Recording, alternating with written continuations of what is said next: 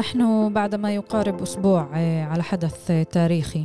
حرب على غزة مئات الشهداء ألاف الجرحى. عائلات كاملة مشردة أحياء كثيرة مدمرة. عائلات تم قصفها ومسحها من السجل المدني الفلسطيني مجازر بحق المدنيين.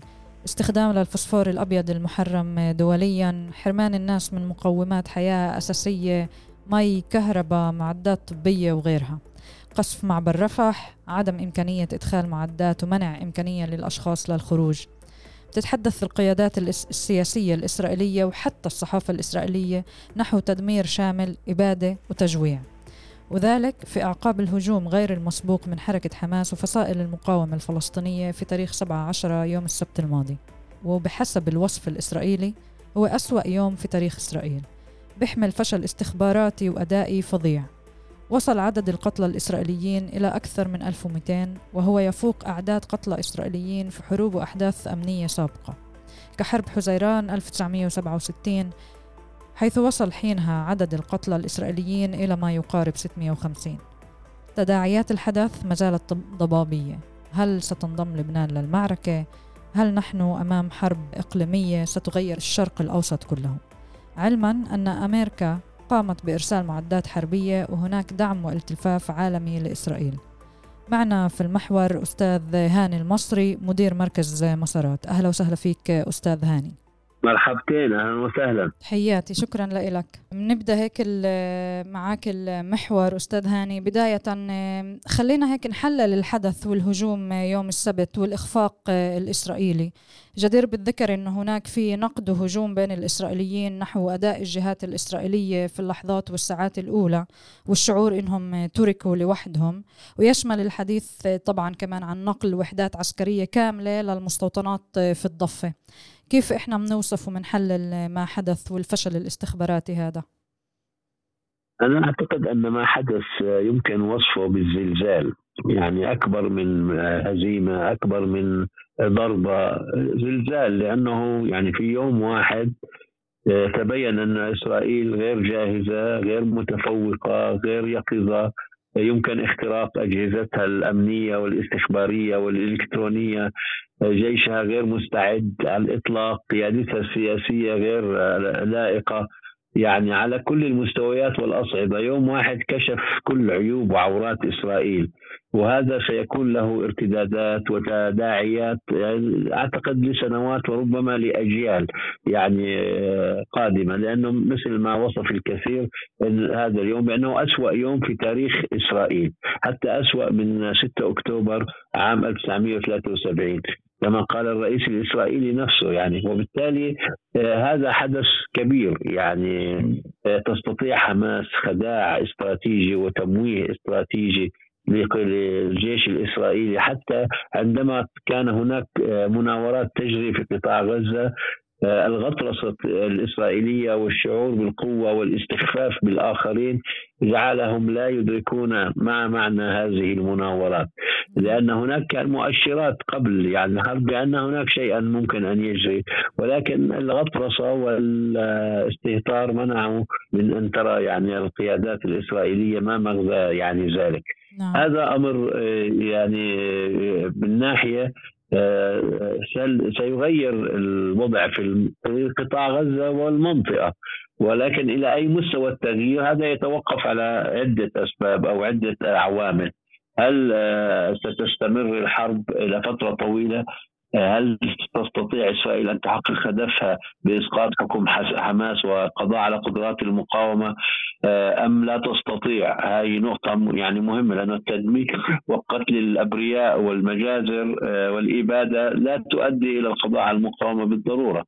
يعني القضاء على المقاومة بحاجة إلى حرب برية الحرب البرية يجب أن تصل إلى البنية الأساسية للمقاومة قيادة المقاومة آه، مقاتلي المقاومة الذين يقيمون يعني في غالبيتهم الساحقة في أنفاق تحت الأرض. وبالتالي يمكن أن تكون هناك خسائر فادحة. إسرائيل بحاجة إلى نصر.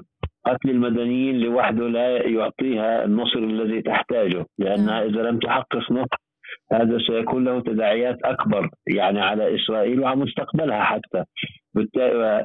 يمكن أن يحد من إذا استطاعت أن تصيد قيادات فلسطينية آه، أساسية من القوى المقاومة سواء السياسية أو العسكرية هذا يمكن أن يسمح لها مع التدمير الشامل والإبادة وعدد الكبير من الضحايا الفلسطينيين أنها تدعي النصر بدون يعني آه، تحقيق مثل هذه المسائل. يبدو أنها ستمضي وكل المؤشرات تقول أنها ستمضي.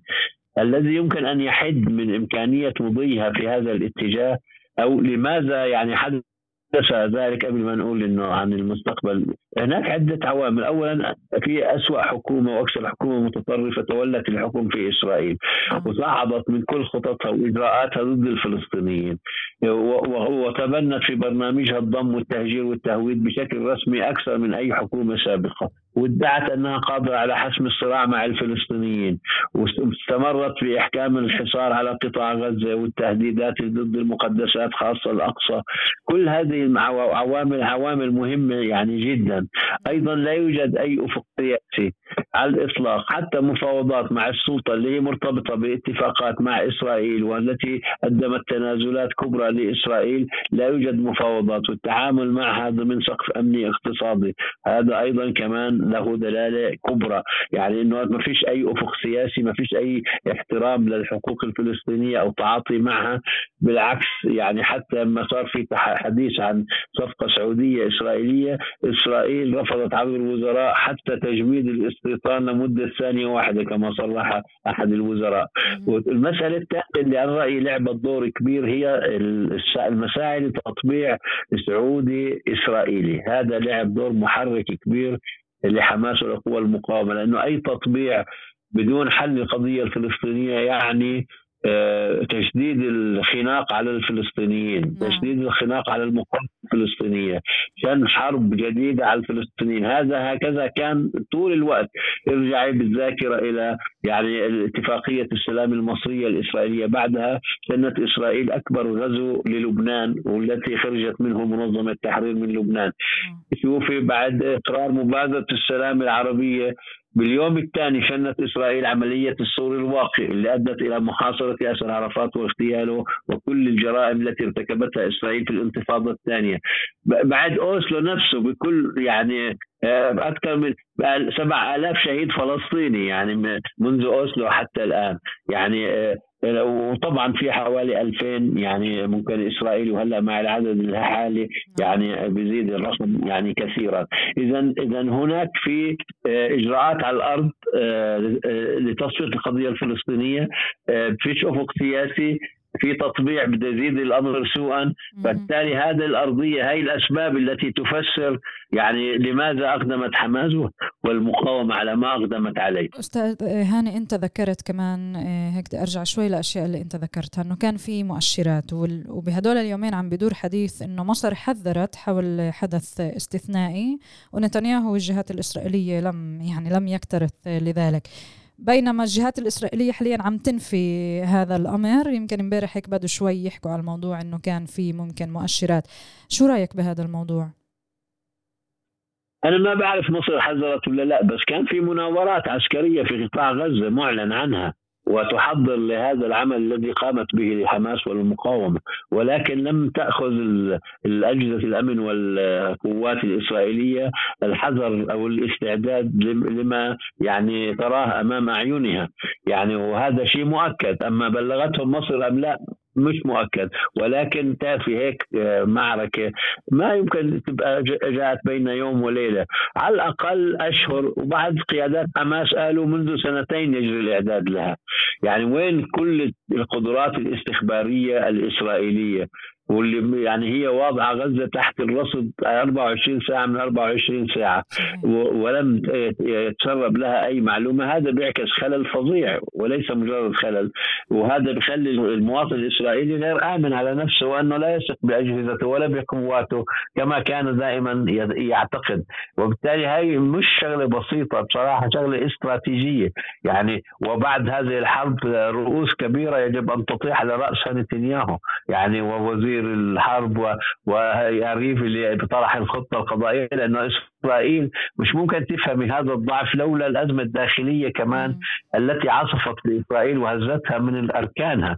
بين جناحين كبيرين يختلفان على طبيعة إسرائيل ودور إسرائيل ودور الدين فيها ودور محكمة العدل فيها والديمقراطية وكيف التعامل مع الدين. يعني قصص مركزية في انقسام كبير في إسرائيل وهناك إصرار من الحكومة على تغيير طبيعة إسرائيل حتى بالنسبة لليهود لأنه إسرائيل بالنسبة للفلسطينيين والعرب هي نفسها متفقة يعني كل أجنحتها على الأشياء الرئيسية. ولكن بالنسبة لليهود كان في خلاف وهذا جعل الجندي يتمرد خاصة جنود الاحتياط وطياري الاحتياط والناس فكروا بالهجرة والاستثمار يتراجع. يعني في إسرائيل هاي الأزمة وضعتها في وضع آه، ضعف غير مسبوق وبالتالي هذا أكيد كان ظرف مناسب لتنفيذ يعني هذه العملية الكبيرة. نعم وبينما إسرائيل كانت بهذا الانقسام وهذا الضعف هلأ عم بنحكى على تشكيل حكم يعني حكومة طارئة حكومة وطنية وحدة وطنية إسرائيلية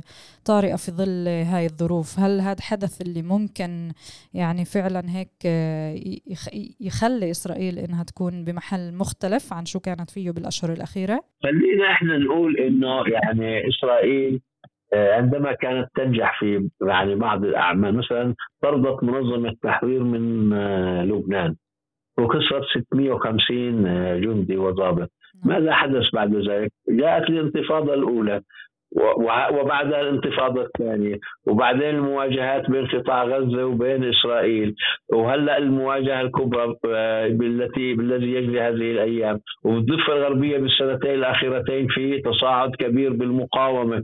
يعني حتى لو نجحت إسرائيل هل هل تنهي الشعب الفلسطيني؟ هل ستنهي إصراره على التواجد بوطنه والدفاع عن أرضه واستعداد للمقاومة؟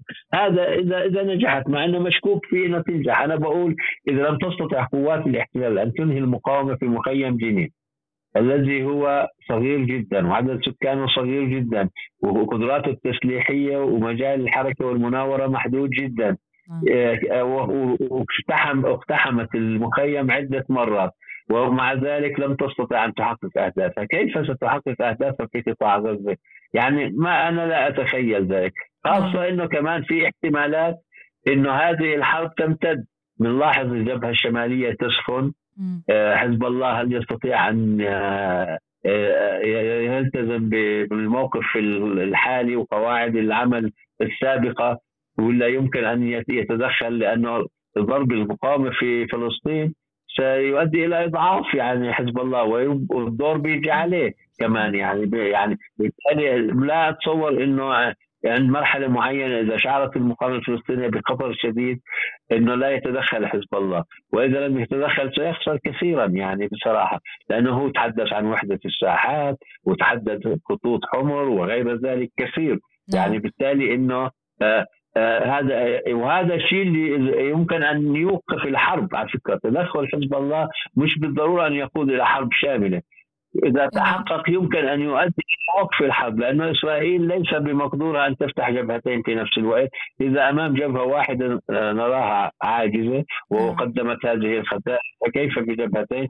كمان الإدارة الأمريكية عندما حذرت وأنذرت وجابت كل هذه البواخر والطائرات إلى المنطقة كان من أجل الردع أكثر من أجل الحرب لأن حرب إقليمية غير مضمونة النتائج غير مرغوبة في وقت الحرب الأوكرانية لا تزال يعني مشتعلة وتداعياتها كبيرة. إذا آه، بدهم يحط يهدوا حيطان أكثر ما هن بدهم حرب عن جد. وبالتالي لا يجب أن يبتزوا يعني حزب الله في هذا الأمر آه، كثيرا. يعني آه، أنا بقول مظاهرات كبرى في العواصم العربية والأجنبية آه، ضد العدوان وضد الإبادة مع تدخل من حزب الله هي الطريق لوقف الحرب، ساعتها أمريكا لما تدعم بتصير تقول ضبط النفس ووقف إطلاق النار وبصير البحث يختلف. فيعني ممكن إنه كمان آه، يعني توجه أمريكا أمريكا يتغير. حاليا هي معطي دعم كامل لإسرائيل فممكن بحال دخول حزب الله للصوره نعم لأنه هن أيوه بدهم يعطوا إسرائيل فترة لتأخذ الانتقام. يعني كمان يعني إنه لأنه إسرائيل بالنسبة لأمريكا ولاية 51 وأنت بتتذكر يعني بايدن شو حكى؟ إنه لو لم توجد إسرائيل لأوجدنا إسرائيل. نعم. وليس شرطا أن تكون يهوديا حتى تكون صهيونيا. اذا بالنسبة لأمريكا إسرائيل مش شيء خارجي. لذلك لاحظنا إنه كيف هو مسعور زي نتنياهو إذا لم يكن اسوء بايدن. يعني ولكن إذا شافوا في خسائر وفي تداعيات والمقاومة صامده في غزة والشعب لا يزال يوفر لها الحضنه الشعبية رغم الآلام الهائلة التي يعاني منها الشعب الفلسطيني. ما يجري في غزة يصعب وصفه يعني ولم غير مسبوق. يعني الناس تهجرت بهالأيام هاي. نفس الأشخاص نفس العائلات عدة مرات. في عائلات ابيدت بالكامل بالعشرة والعشرين شخص.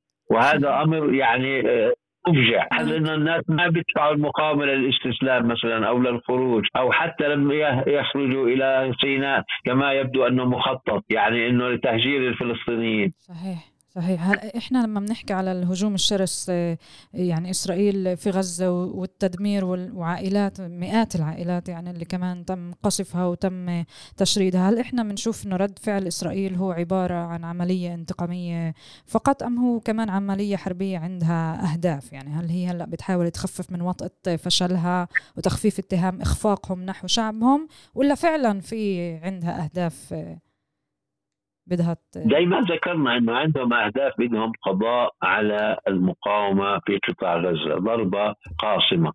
ولكن هن بيعرفوا إنه هذا مش أمر سهل.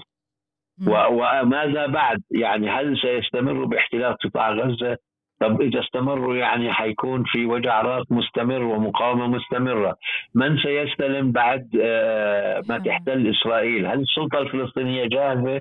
ما نلاحظ ان السلطة حتى الآن لم تدن يعني آه، العملية طوفان الأقصى رغم الضغوط الكبيرة التي تعرضت لها السلطة.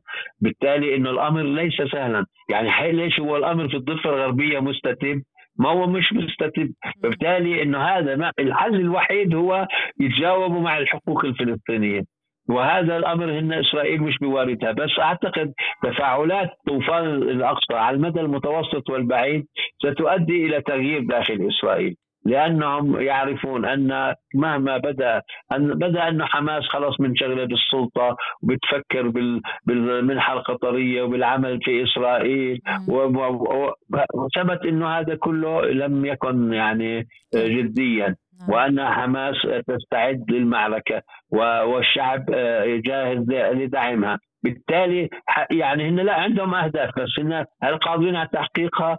يعني لماذا لم يحتلوا قطاع غزة منذ زمن بعيد لأنه كان في خسائر بشرية ما فكروا بالاحتلال أكثر من مرة ولكن لم يقوموا به لأنه يترتب عليه خسائر بشرية كبيرة، نعم. هل مستعده إسرائيل الآن أن تدفع هذه الخسائر البشرية الكبيرة؟ يمكن يكون استعدادها أكبر من السابق ولكن إذا ميدان المعركة أوقع خسائر فيهم فادحة سيجعلهم أن يفكرون مرة ومرة ومرة وخاصة إذا دخل حزب الله يعني هون دائما هاي نقطة كثير بأكد عليها. أنا مش متأكد أنه حيدخل ولكن مش مستبعد تماما أنه يمكن أن يدخل لأنه المعركة هاي لها أهداف إقليمية ودولية وجزء من الصراع العالمي. يعني بالأخير الممر الهندي هذا اللي اتفقوا عليه بقمه العشرين ما هو يؤدي إلى أضرار إلى على مصر وعلى سوريا وعلى لبنان حتى تركيا وروسيا وإيران. يعني الموضوع مش موضوع فقط ما ما يجري في هذه المنطقة. في أسباب فلسطينية كبيرة جدا ولا نستطيع أن ننكرها وهي الأساس ولكن في أسباب أيضا إقليمية ودولية لا يمكن أن نتجاهلها. نعم.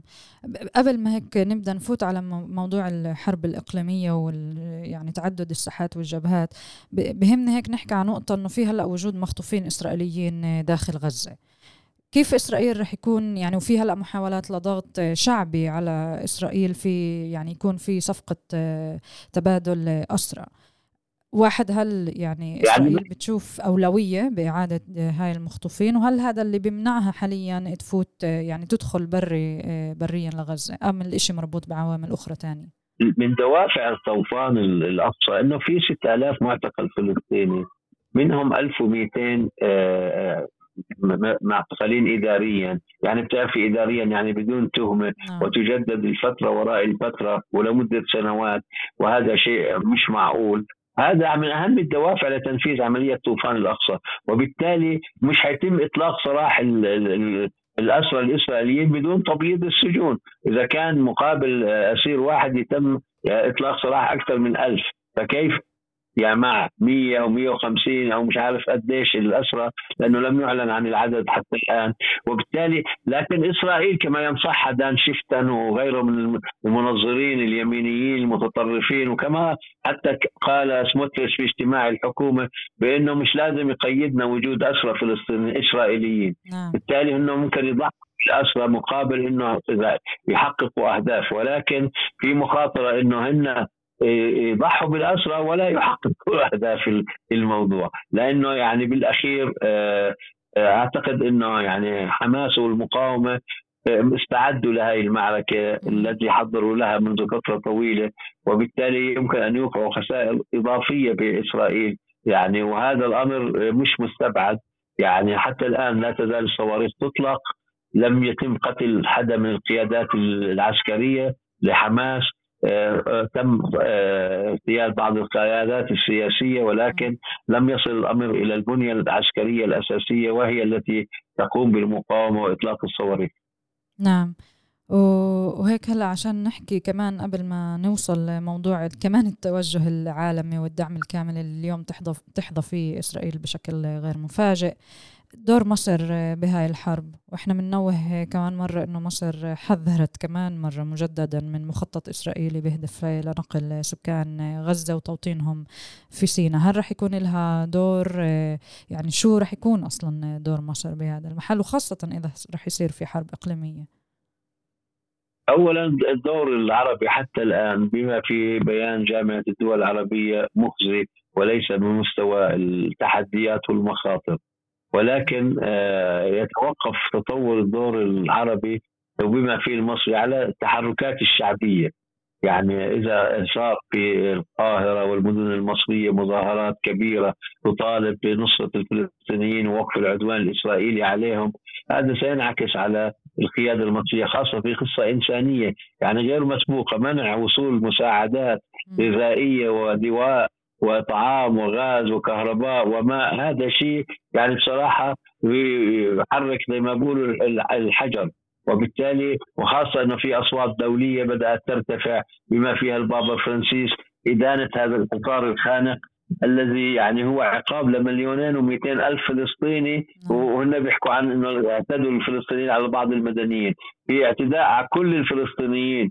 اللي في قطاع غزة واصلا وبالضفة الغربية وفي كل مكان. نعم. الفلسطيني يعني قتله عملية سهلة ويتم أمام مرأة العالم ولا يحرك العالم ساكنا. بس قتل الإسرائيلي يقوم العالم الغربي ولا يقعد. ولكن حتى بالعالم الغربي. هناك أصوات كثيرة بدأت تعرف الحقيقة.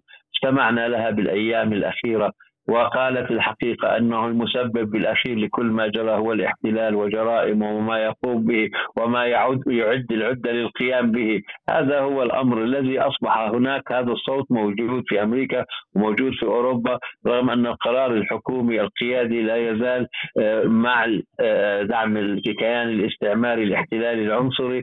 ولكن الدنيا تتغير وصحيح في حاجة لوقت أطول لكي يحدث هذا التغيير تغيير بالقرار السياسي ولكن سيحدث ذلك لأنه ما في عند الشعب الفلسطيني وطن آخر يختاره ولا طريق آخر يختار بعدين سكروا هن كل الطرق أمامه ولا فتحوا لا سلام ولا أفق سياسي ولا تسوية ولا ولا حتى احترام حقوق إنسانية، فبالتالي هذا الطريق مجبر الشعب الفلسطيني على الخوض فيه.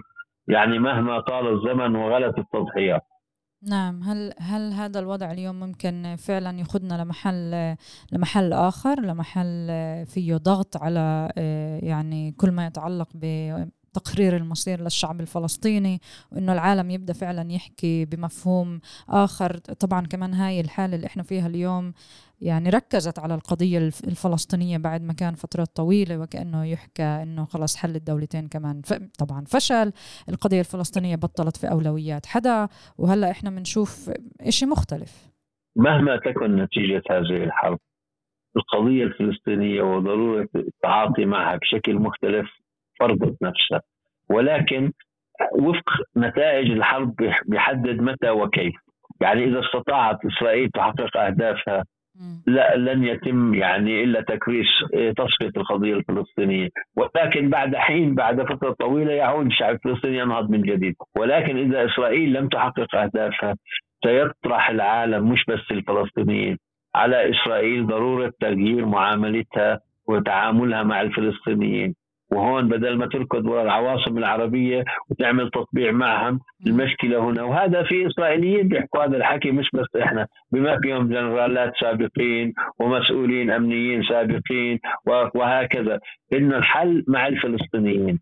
وبالتالي هذه الحقيقة تأكدت بعد يعني المعركة الأخيرة. ولكن متى ستثمر؟ زي ما قلت يمكن تأخذ وقت طويل أو وقت متوسط. الأول إسرائيل تحاول أن تثبت نفسها أنها قادرة على الردع أنها لم تهزم وبالتالي لن تكون في وارد الاستماع لأي نصيحة في هذا الاتجاه الآن. نعم. نعم. وإذا هيك نفسر كمان للناس ونيجي هلأ فعلا لموضوع إذا رح يصير في حرب إقليمية إذا حزب الله رح يدخل المعركة وشو هذا بده يقول من ناحية إسرائيل. يعني في هيك عدم وضوح في بلبلة. آه، ساعة بيقولوا عم بخبطوا من لبنان ساعة وإسرائيل بتخبط داخل لبنان. آه، يعني عم تقصف كمان الأبراج آه، لحزب الله. دخول مسيرات وما إلى ذلك. امبارح كان في صفارات إنذار وطلع بالآخر إنه لا. بها يعني كيف إحنا شايفين الصورة؟ فرضية إسرائيل الأساسية أنه حزب الله لن يدخل.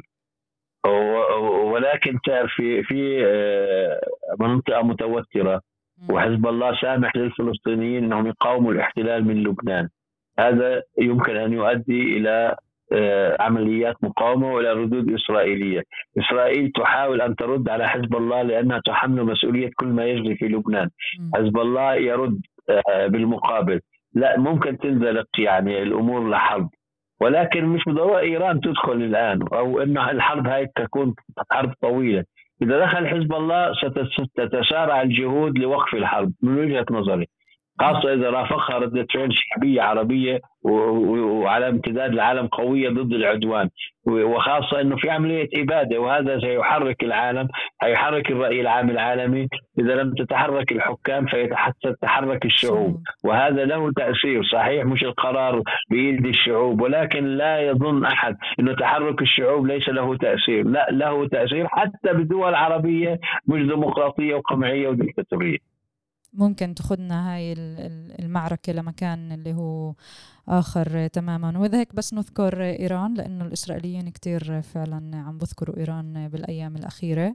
نعم إيران آه، يحاولوا أن يصوروا أنه مش موضوع مش موضوع احتلال ومش موضوع ما يقوم به الاحتلال وإنما مؤامرة إيرانية. مش صحيح. دليل إيران يعني آه، حتى الآن لم تتدخل وتقول أنها لم تكن تدري وأنها لن تتدخل. يعني وكل الحروب اللي خاضتها القوى الفلسطينية خلال العشرين سنة الماضية مع إسرائيل لم تتدخل فيها إيران، إيران بتساعد صحيح ولكن في فرق بين تساعد وبين تكون طرف. نعم. يعني آه، هذه مسألة يعني يجب أن تكون يعني كثير واضحة. وأنا بقول غدا يوم مهم لأنه في دعوات لنفير آه، شعبي للفلسطينيين والعرب والعالم كله. وإذا صار في آه، نفير فعلا سيترك تأثيره على الحرب ومجرياتها.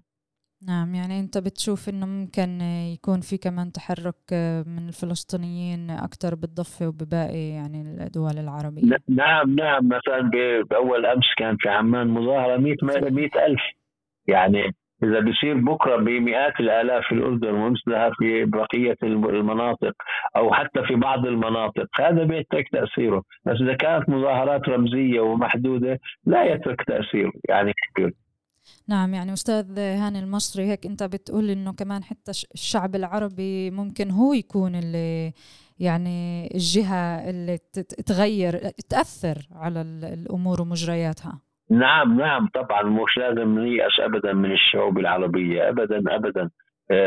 بالرغم إنها مكبلة ومضطهدة ومستغلة وكل ذلك ولكن دائما يعني بدليل إن كل الاستطلاعات حتى اللي أجرتها مؤسسات أمريكية صهيونية بالدول العربية لتعرف موقف الشعوب العربية من التطبيع كان النتيجة إنه الغالبية الكبيرة ضد التطبيع حتى داخل السعودية والإمارات وهذا تقدر تطلع عليه بالاستطلاعات يعني وليس ادعاء ادعي يعني في معهد واشنطن لدراسات الشرق لأنه هو معهد اللوب الصهيوني يعني في أكثر مرة عملوا استطلاعات وغيرهم مؤسسات.